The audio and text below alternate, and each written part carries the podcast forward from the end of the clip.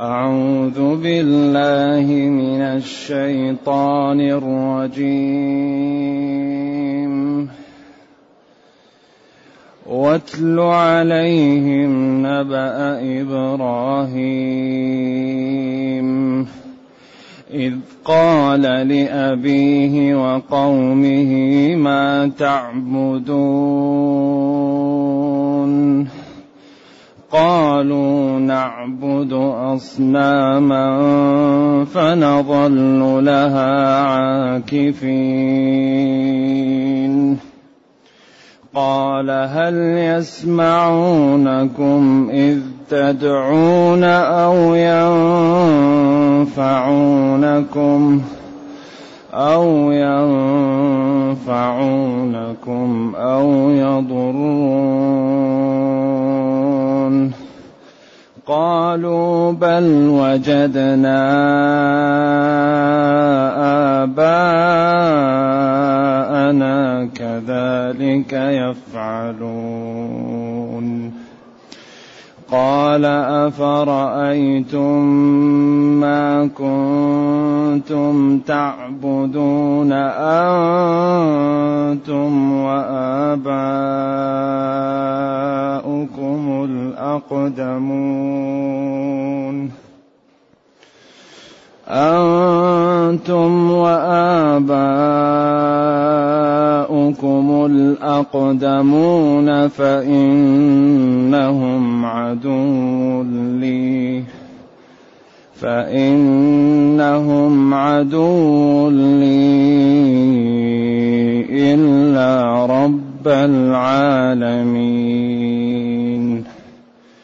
الذي خلقني فهو يهديني والذي هو يطعمني والذي هو يطعمني ويسقيني وإذا مرضت فهو يشفين.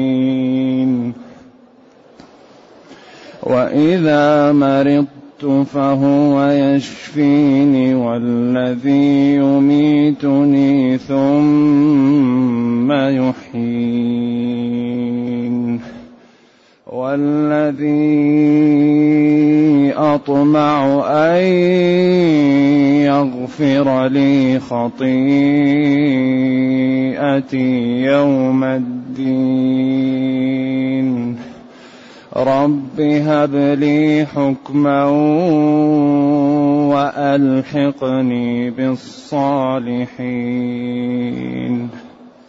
واجعل لي لسان صدق في الآخرين واجعلني واجعلني من ورثة جنة النعيم واغفر لأبي إنه كان من الضالين واغفر لأبي إنه كان من الضالين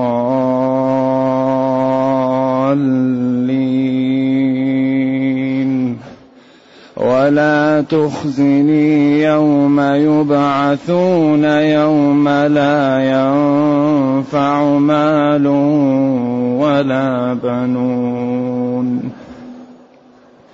إلا من أتى الله بقلب سليم وأزلفت الجنة للمتقين وبرزت الجحيم وبرزت الجحيم للغاوين وقيل لهم وقيل لهم أين ما كنتم تعبدون من دون أينما كنتم تعبدون؟ وقيل لهم. وقيل لهم أين ما كنتم تعبدون من دون الله؟ هل ينصرونكم أو ينتصرون؟ فكبكبوا فيها هم والغاوون وجنود إبليس أجمعون.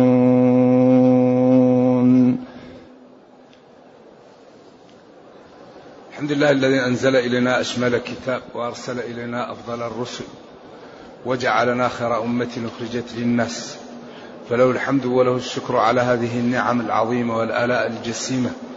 والصلاة والسلام على خير خلق الله وعلى آله وأصحابه ومن اهتدى بهداه. ما بعد فإن الله تعالى يأمر نبيه أن يقص على كفار قريش ومن حوله ويقرأ عليهم قضية إبراهيم مع أبيه وقومه. واتلو عليهم نبأ إبراهيم. يا نبي اتلو عليهم. اقصص عليهم. نبأ إبراهيم. قال العلماء العادة أن أول من يأتي نوح ثم من بعده وترتب الرسل على بعثتها ولكن هنا قدم إبراهيم. قالوا لأن قصة إبراهيم وقصة نبينا صلى الله عليه وسلم بينها تشابه. فإن النبي صلى الله عليه وسلم قال له ربه أن اتبع ملة إبراهيم.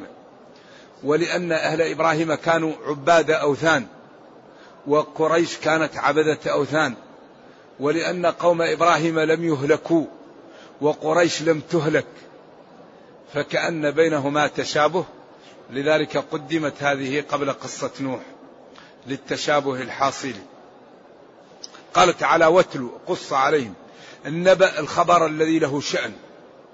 لا يقال النبأ إلا للخبر الذي له شأن. إبراهيم نبي الله وخليله والذي لم يؤمر بشيء إلا وفى به. وإبراهيم الذي وفى. قال له اذهب إلى مكة واترك ولدك وزوجك فعل. قال له أعمل الفطر عملها. قال له اذبح ولدك الوحيد تله للجبين ليذبحه.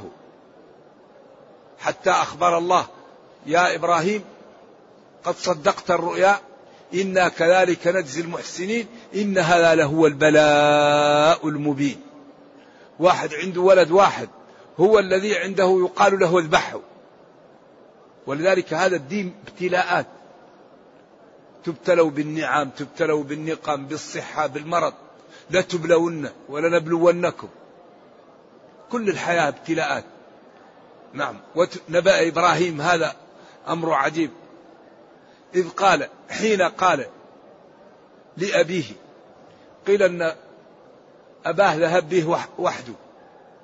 وبعدين بعده قال لقومه فأدمجت القصة مع بعض. ولذلك قال لأبيه يا أبت لم تعبد ما لا يسمع ولا يبصر ولا يغني عنك شيئا؟ يا أبت إني قد جاءني من العلم ما لم يأتك فاتبعني أهدك صراطا سويا. يا أبت لا تعبد الشيطان إن الشيطان كان للرحمن عصيا. يا أبت إني أخاف أن يمسك عذاب من الرحمن فتكون للشيطان وليا.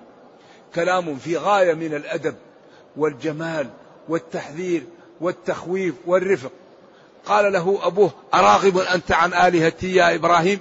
لئن لم تنتهي لأرجمنك وأهجرني مليا. هنا حسن الخلق واللطافة والفضل. ما قال له يا أبي يا كافر يا مجرم. قال له سلام عليك. سلام عليك. سأستغفر لك ربي إنه كان بي حفيا. إذا اقصص عليهم يا نبي نبأ قصة إبراهيم مع أبيه وقومه. حين قال لأبيه وقومه ما تعبدون؟ ما؟ أي شيء تعبدونه؟ أو قالوا هم قالوا نعبد أصناما. نعبد أصناما فنظل لها عاكفين. هؤلاء عندهم جراءة وصلف وحمق والتجمل بعبادة الأصنام ما يستحوا. ولذلك وسعوا الكلام.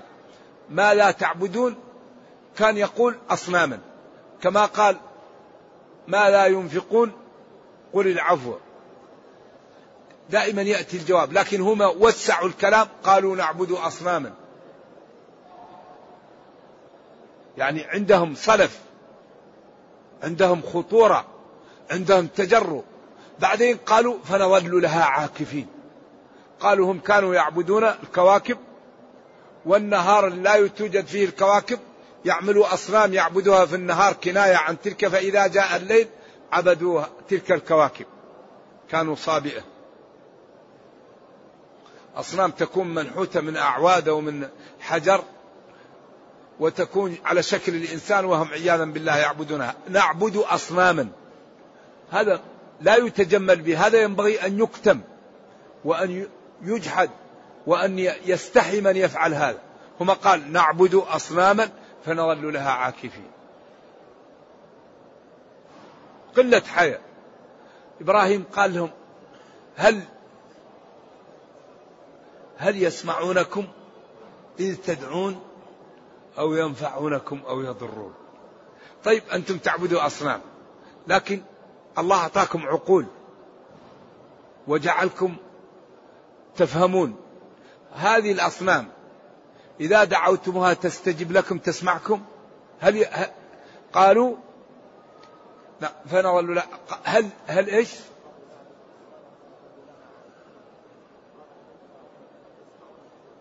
قال هل يسمعونكم إذ تدعون؟ إذا دعوتموهم سمعوكم؟ قال هل يسمعونكم إذ تدعون أو ينفعونكم؟ إن طلبتم منهم شيء أو يضرونكم إن, إن لم تفعلوا لهم شيء إن كفرتم بهم. طيب ما الفائدة في هذه في عبادة من لا ينفع ولا يضر ولا يسمع ولا يعقل ولا يرى ولا يبصر؟ جماد لا فائدة فيه. هنا الخطورة. هنا قالوا بل وجدنا آباءنا كذلك يفعلون. هنا وقف. بل وجدنا آباءنا كذلك يفعلون. كثير من الناس يمنعه من الهداية أن آباءه كانوا ضلال.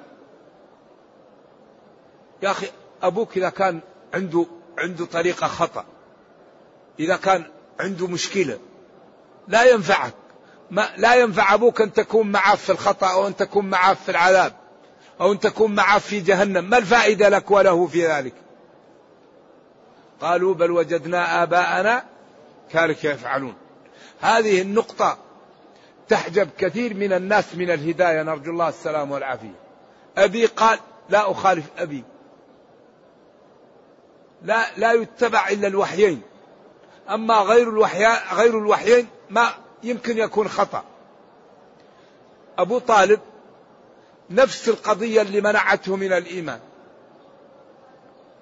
قال كيف نترك دين آبائي وأجدادي ونتبع ابن أخي يتيم. ربيته وهو يتيم.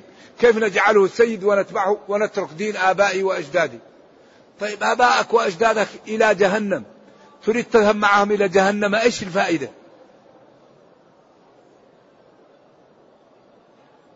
هذا قوم إبراهيم بل وجدنا آباءنا. بل لا ضرب عن ذاك كل لم يقع لا فائدة فيهم. ولكن نضرب عن ذلك لكن وجدنا آباءنا يفعلون ذلك. أبو طالب قال له ابن أخيه الطيب الطاهر الأمين الذي مجمع الفضيلة عند نقطة الصفر يا عم قل كلمة أحاج لك بها عند الله يا عم قل لا إله إلا الله. فجاءه شياطين الإنس وأثاروا فيه الحمية. أترغب عن ملة عبد المطلب؟ أترغب عن ملة عبد المطلب؟ حتى هلك على على الكفر عياذا بالله. أترغب عن ملة طيب ملة عبد المطلب إذا كانت ضالة. لذلك ينبغي للمسلم أن يتبع الحق يتبع النصوص يتبع النجاة. لا أب لا أم لا شيخ لا أسرة. لا قبيلة لا ينفع الإنسان إلا الدين. ولذلك ربنا قال اتبعوا ما أنزل إليكم اتبعوا ما أنزل إليكم. ما قال اتبعوا الأشياخ اتبعوا الآباء اتبعوا الأسر اتبعوا الأعراف لا ما أنزل إليكم. ولذلك لا بد من التجرد للدين. الإنسان يتجرد. العلم يقوده. لا تقود النصوص النصوص هي اللي تقودك. إذا قال الله قل سمعا وطاعة إذا قال رسول الله قل سمعا وطاعة. وما كان لمؤمن ولا مؤمنة إذا قضى الله ورسوله أمرا أن يكون لهم الخيار. فليحذر الذين يخالفون عن أمره أن تصيبهم فتنة. ذلك ينبغي الحقيقة. أن كل واحد منا يبني حياته على الدين. نبني حياتنا على الدين حتى نكون سعداء أتقياء شرفاء فضلاء. ما أردناه أعطاه لنا ربنا وما خفنا منه حمانا ربنا منه. هذا لمن؟ للأتقياء. قال إبراهيم لهم لما تبجحوا وقالوا هذا الكلام نعم. قال لهم أفرأيتم؟ أخبروني. عما كنتم تعبدون؟ أنتم الحاضرون وآباؤكم الأقدمون فإنهم جميعا عدو لي. أيوة أنا بريء منهم وبرآء مني. قالوا كيف يقول للأصنام عدو؟ وهي قال إما أن يكون المقصود فإن من عبدها. هذه الأصنام وكان يوم القيامة يكون بينه وبينها عداوة. أو أنها لو كانت تعقل لكانت عدوة لي. إما على فرض أو على أنه واقع لأن الذين يعبدون الأصنام يوم القيامة يقول الأصنام ما لنا وما لهم. يعطى للأصنام نطق وتتبرأ منهم. ليش عبدوكم؟ قال ما لنا في ذلك من علم. ولذلك يوم القيامة كل شيء ينطق. الأرض تنطق والفخذ ينطق واليد تنطق. ما فيه كل شيء ينطق. هذا يوم القيامة تتجلى الأمور. ما هو مثل الدنيا. يمكن واحد يستر قضيته يمكن يستر اللي عنده. لا. يوم القيامة كل شيء يكشف. والطيب معروف بسمام والفاجر معروف. وكل واحد مكتوب عليه ما يمكن واحد يستر شيء. ذلك هذا اللي الحقيقة الفضيحة الكبيرة يوم القيامة. ولذلك ينبغي للإنسان أن يستر نفسه. لا زال في الدنيا بأن يتقي الله لا يفتضح أمام العالم. الرجل قالوا ألم تكن تأمر بالمعروف وتنهى عن المنكر؟ وتندلق أقتابه في نار جهنم ويدور بها كما يدور في الرحى ويتجمع عليها للنار قال كنت آمر بالمعروف ولا آتي وأنهى عن المنكر. وآتي. لأنه لأن الأمر بالمعروف والنهي عن المنكر طريق سلامة محققة. لكن المشكلة من فعله للمنكر وعدم إتيانه للمعروف. هذا الذي أورطه. قال هؤلاء الذين تعبدونهم عدو لي. عدو. زيد عدو والزيدان عدو والزيدون عدو. كله يقال عدو.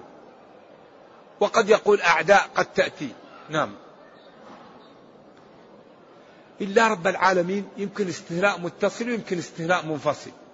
استثناء المتصل الذي يكون من جنس المستثناء والاستثناء المنفصل الذي يكون من غيره. فإن أصنامكم عدو لي لكن ربي هو الذي أعبده وهو الذي أطيعه وهو الذي يفعل بي وبي من الخير ويدفع عني من الشر. وقيل فإنكم أنتم وأصنامكم عدو لي إلا من عبد رب العالمين منكم فليس عدوا لي ويكون استثناء متصل ويكون في الكلام محذوف فإنهم عدو لي إلا من عبد رب العالمين منكم فإنه من أجدادكم وأسلافكم فإنه ليس عدو لي. نعم. ثم بين أوصاف الله التي ينبغي أن يشكر عليها وأن يطاع وأن يخاف منه وأن يغتنم المسلم فرصته في هذه الدنيا لينجو بنفسه. نحن الآن في نعمة لأننا في الدنيا. المصيبة أهل القبور. أهل القبور الآن الواحد منهم شاهد الحقيقة وكفت يده عن العمل. أهل القبور يتمنى واحد يأتي ليقول لا إله إلا الله؟ يتمنى واحد يأتي ليقول رب اغفر لي خطيئتي يوم الدين. يتمنى أحدهم يأتي ليصلي ركعتين. يتمنى أحدهم يأتي ليتصدق ولو بقرش. لكن نحن في الدنيا الآن. هذه نعمة من تاب تاب الله عليه. ومن عمل الحسنات بدل الله له السيئات حسنات. وربنا كريم. فالحقيقة نبادر. يقول تعالى الذي خلقني. فإنهم عدو لي إلا رب العالمين الذي خلقني. رب العالمين الذي خلقني. أو هو الله الذي خلقني. فيمكن الذي محل نصب أو في محل رفع. خلقني أوجدني من عدم. الذي خلقني فهو يهدين. صلها يهديني. أي يرشدني ويوفقني للخير. والذي هو يطعمني. هو الذي يعطيني الرزق وهو الذي يجعل الجسم يتمثل الإطعام لأن لو لم يأمر الرب الجسم في امتصاص الأغذية لا يعيش أحد. لذلك هذا الخلق سر من سر الله. الكون كله تمثل الأكسجين. من يستطيع أن يعمله؟ هذا لا يقدر عليه إلا الله. تمثل الطعام في الجسم وكيف يتحول إلى إلى إلى حياة وطاقة في الجسم. هذه أمور لا يقدر عليها إلا الله. ولذلك الكون كله لا يمكن أن يوجد كائن حي. لو اجتمع أهل, أهل الأرض بعلمائها وأطبائها و و ورياضيها وعلماء الفيزياء والكيمياء وكل العلوم على أن يوجدوا كائن حي لا يستطيعون. ما يمكن. ما يمكن يخلقوا كائن حي. لكن إذا أخذوا الكائن وأخذوه ووضعوه في الكائن أصل الكائن يأخذوه يمكن ينموه. الخلية ويلقحوها يمكن تنمى لكن يأتوا بخلية من أنفسهم. ما أوجدها الله. ولذلك البذر الله أوجدهم يضعوا في الأرض لكن يروحوا ينتجوا بذر ما, ما أوجدوا الله. لذلك أفمن يخلق كمن لا يخلق؟ أفمن يخلق كمن لا يخلق؟ ذلك سر الكون الخلق. يا أيها الناس ضرب مثل فاستمعوا له. إن الذين تدعون من دون الله لن يخلقوا إيش؟ ذباب. ولو اجتمعوا له. فلذلك هذا سر الكون. إذا لا يعبد إلا الخالق. لا يرجى إلا الخالق. لا يخاف إلا من الخالق. الذي خلقني فهو يهدين. يوفقني للصلاة للصوم للصدقة لأن بر بوالدي نكرم جيراني. نبتعد عن الربا عن الغش عن النميمة عن الغيبة عن ضياع الوقت عن ظلم الناس عن النظر إلى الحرام عن سماع الحرام عن الكلام بالحرام. يوفقنا ربي. فنعمل الطاعات ونبتعد عن المعاصي.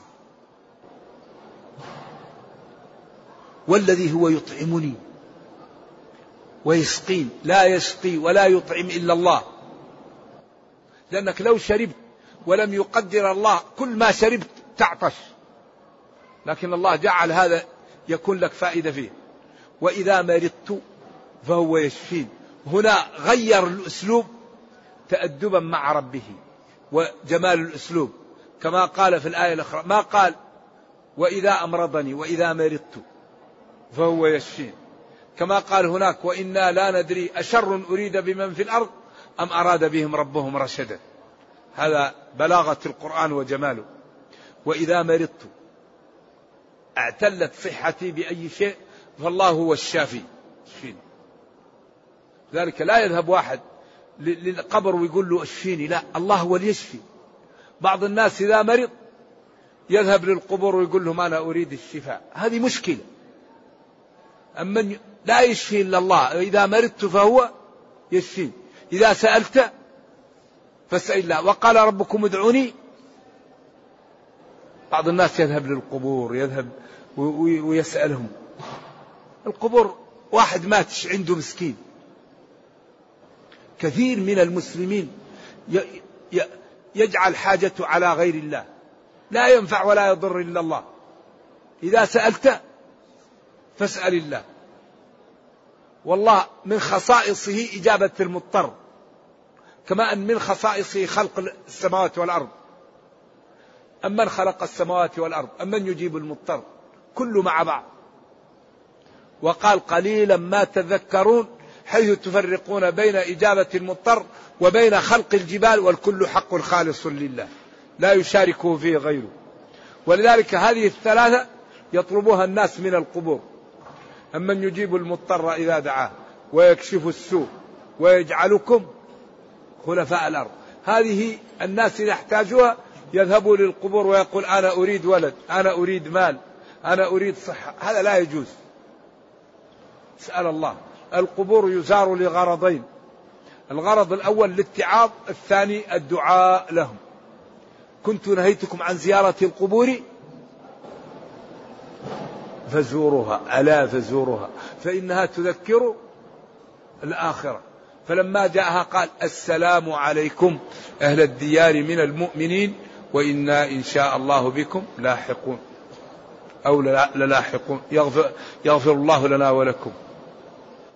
إذا يدعى لها ويتذكر الإنسان الموت حتى يتوب ويقلع عن المعاصي وينشط في الطاعة لينجو يوم القيامة. ما ما تزار لتدعى. والذين يدعون القبور هؤلاء على خطر. الذي يدعو القبور على خطر. القبور لا تدعى. يدعى الله. وإذا والذي يميتني ثم يحييني والذي ينزع الروح وهو الذي يحييني يوم القيامة. ثم قال لأن هذه ثم على بابها. لأن بعد الإحياء والموت مدة فتاب ثم. والذي أطمع وأرجو أن يغفر لي خطيئتي يوم الدين يوم القيامة. قال العلماء أو قالت الإسرائيليات أنه قال فعله كبيرهم وقال أختي وقال إني سقيم. هذه الثلاثة. الذي ورد وهي كانت معارض ولمصالح. ولذلك في الأحاديث لم يكذب إبراهيم إلا ثلاثة كذبات. أما قوله بل فعله كبيرهم أما قوله هذا ربي فقالوا ليست لأن أيوة وبعضهم يجعلها من ذلك لأن إبراهيم جعلها على سبيل الاستدراج لقومه ليبين لهم أن عبادة غير الله ضلال. إذا قال لهم أهذا ربي على زعمكم؟ فلما أفل قال لا أحب الآفلين. ثم قال فلما رأى الشمس قال هذا ربي هذا أكبر. فلما أفلت قال يا قوم إني بريء مما تشركون. إني وجهت وجهي للذي فطر السماوات والأرض حنيفا وما أنا من المشركين. ودل على ذلك على أن إبراهيم أمران. الأمر الأول قوله وتلك حجتنا آتيناها إبراهيم. وقوله وما كان من المشركين. فهذان الدليلان يدلان على أن إبراهيم كان يريد أن يستدرج قومه حتى يقول لهم إن الكواكب لا تصلح أن تكون آلهة لأنها تتغير. أما الإله الدائم لأنه إذا تغير يفسد الكون. الإله لا بد أن يكون قائم. لا تأخذه سنة ولا نوم. يعز هذا ويذل هذا ويميت هذا ويحيي هذا ويرفع هذا ويضع هذا. فإذا غفل الكون يتلاطم ويهلك. نعم. والذي أرجو وأطمع أن يغفر لي خطيئتي يوم القيامة يوم الدين. ربي هب لي حكما. هب لي علما. وإصابة في الرأي وفهما. حكما أي حكمة الذي هي العلم والعمل به. هذا هو الحكمة. الحكمة أن يرزق العبد العلم والعمل به. هذه الحكمة. حكما أي علما واستقامة وفهما.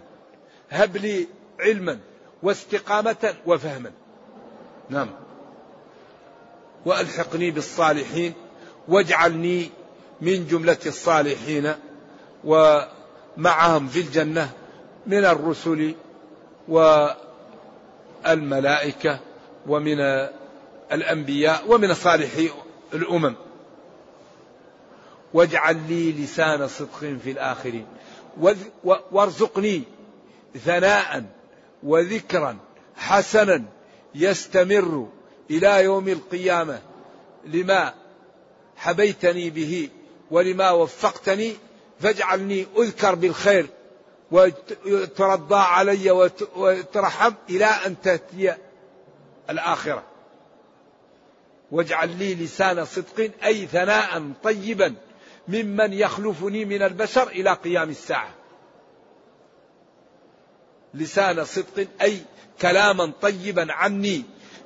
يأتيه جيل بعد جيل إلى, إلى, إلى نهاية الدنيا. واجعل لي لسان صدق في الآخرين أي المتأخرين عني. واجعلني من ورثة جنة النعيم. واجعلني من الذين يرثون الجنة لأن كل مخلوق له منزل في الجنة وله منزل في النار. فإذا دخل أهل النار النار ورث أهل الجنة منازلهم في الجنة. وإذا دخل أهل آه، يعني النار النار أهل الجنة الجنة ورث أهل النار منازل أهل الجنة الذي أعدت لهم لو, لو لم يكونوا من أهل الجنة. فيزداد هؤلاء غبطة ويزداد هؤلاء حزنا وأسفا وألما على ضياع منازلهم. ولذلك الخسارة الكبيرة الذي يفقد نفسه وماله وأهله يوم القيامة. الذين خسروا أنفسهم وأهليهم يوم القيامة. ألا ذلك هو الخسران المبين. فلذلك الإنسان يجتهد أن لا يكون من الخاسرين. واغفر لأبي. إنه كان من الضالين. الكافرين الذاهبين عن الحق. قالوا إبراهيم قال هذا قبل أن يتيقن. أن أباه كافر. فلما تيقن تبرأ منه. ولذلك لما قال الله أيوة قال وما كان استغفار إبراهيم لأبيه إلا عن موعدة وعدها إياه. فلما تبين له أنه عدو لله تبرأ منه. إن إبراهيم لأواه حليم. كثير التأوه وكثير الخوف كثير الحلم على من أخطأ عليه. واغفر لأبي إنه كان من الضالين. عياذا بالله. ولا تخزني يوم يبعثون. يعني لا تجعلني يوم القيامة أكون من ال... الذين يعني أعوذ بالله كانوا أصحاب ذنب فظهر عليهم الذنب وأخذوا نتائج الذنب يوم القيامة وهذا الخوف على أن الإنسان ينبغي أن يبقى على, على, على الإيمان حتى يموت. لأن الخزي يوم البعث يكون عندما تأتي للإنسان المنية يتغير حاله عياذا بالله. لأن الإنسان إذا مات على الدين خلاص أمين. لكن إذا كان في آخر حياته وكأنه قريب من القيامة عياذا بالله يقلب. إن الرجل لا يعمل بعمل أهل النار فيما يبدو للناس حتى لا يبقى بينه وبينها إلا ذراع. فيسبق عليه القلم فيعمل بعمل أهل الجنة فيدخلها. وإن الرجل لا يعمل بعمل أهل الجنة فيما يبدو للناس في صحيح البخاري فيما يبدو للناس. وهذه تعطي للمسلم نوع من الطمأنينة لأنه الذي يعمل بعمل أهل, أهل الخير حقيقة الله يوفقه للخير. ولذلك قال اعملوا فكل ميسر لما خلق له. اعملوا أمر بالعمل وقال إن كل شخص ميسر لما خلق له. نعم. ولا تخزني يوم يبعثون. يوم القيامة. يوم لا ينفع مال ولا بنون.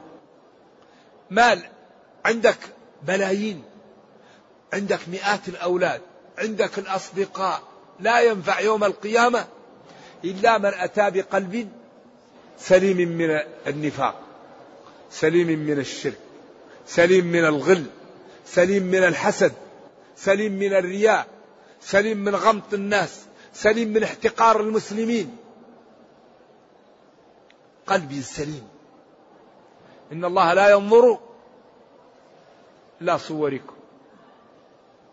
دخل واحد قال ما تعدون هذا؟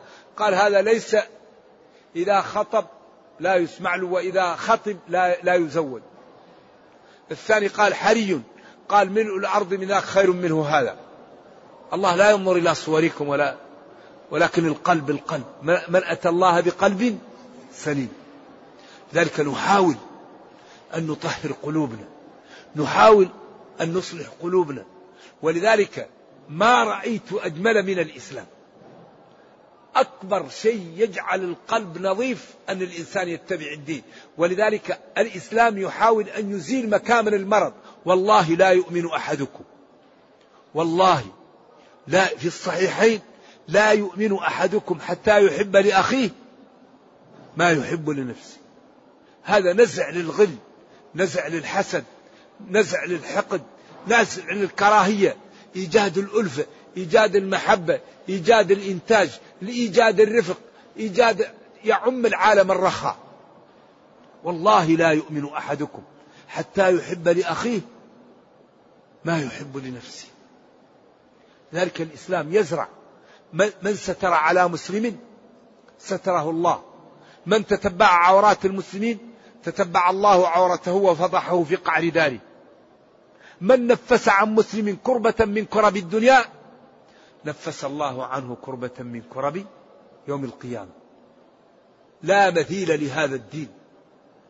في النبل والإحسان والرفق والإيثار والستر والألفة. لا بد أن نوصل هذا الدين للعالم. لا بد أن نعتني بالبرامج التي توصل هذا الدين لأقصى الخلق. الصين في حاجة أن يبلغ أهل هذا الدين. الدول التي لا تفهم العربية في حاجة أن نترجم لها معاني الدين ونوصلها. في في حاجة لمراكز عملاقة تفهم الناس هذا الدين. وأن تكون فيه إذاعات وقنوات ونشرات بكل اللغات لتفهم العالم هذا الدين. كثير من هؤلاء إذا دخل النار نخاف أن يلببنا في يوم القيامة ويقولون يا رب إن المسلمين حالوا بيننا وبين الإسلام ولم يفهمنا هذا الدين. يا رب انتقم لنا من المسلمين لأنهم حالوا بيننا وبين الإسلام. فما لا يكون موقفنا يوم القيامة؟ إذا لا بد أن نتساعد على إيصال هذا الدين للعالم. هذا الدين لا يقاوم. هذا الدين كله نبل كله جمال كله حسن كله صدق. آية آية في الجمال. إلا من أتى الله بقلب سليم بعدين وقربت الجنة وأزلفت الجنة للمتقين. قربت. بعدين أما النار وضحت وبرزت الجحيم بعدت وخليت مكشوفة حتى يذهبوا لها ليزداد الألم وليزداد الإهانة ويدفوا ويدعوا حتى يدخلوا فيها. أما الجنة فتقرب لهم. أزلفت قربت الجنة للمتقين وبرزت الجحيم للغاوين. وقلنا إن أغلب القرآن في بيان الصفتين حتى يرى الإنسان جمال الجنة وحسن ما فيها وأوصاف أهلها يدخلها ويرى قبح النار وخطورة ما فيها وأوصاف أهلها ليجتنبها حتى يبقى كل واحد على بصيرة قبل أن يفوت الأوان. الحمد لله على هذا الدين. أيوة. وقيل لهم أين ما كنتم تعبدون من دون الله؟ هل ينصرونكم أو ينتصرون؟ أين ما كنتم تعبدون من دون الله؟ هل يساعدونكم أو ينتصرون لأنفسهم؟ الحاصل كبكبوا فيها. كبكبوا كب مكررة. كب وكب وكب يقال كبكبوا. كبكبوا أي كبوا تكبيبا بعد تكبيب أو قيل جعلت رؤوسهم هي الأسفل أو جمعوا. فكلمة كبكبوا تدل على أنهم كبوا مرة بعد مرة. هم والغاوون وجنود إبليس أجمعون. نرجو الله جل وعلا أن يعيذنا من النار وأن يرزقنا الجنة. اللهم أرنا الحق حقا وارزقنا اتباعه وأرنا الباطل باطلا وارزقنا اجتنابه. اللهم لا تجعل الأمر ملتبسا لنا فنضل. اللهم ربنا أتنا في الدنيا حسنة وفي الآخرة حسنة وقنا عذاب النار. اللهم اختم بالسعادة آجالنا واقرم بالعافية غدونا وآصالنا واجعل إلى جنتك مصيرنا. سبحان ربك رب العزة عما يصفون وسلام على المرسلين والحمد لله رب العالمين. والسلام عليكم ورحمة الله وبركاته.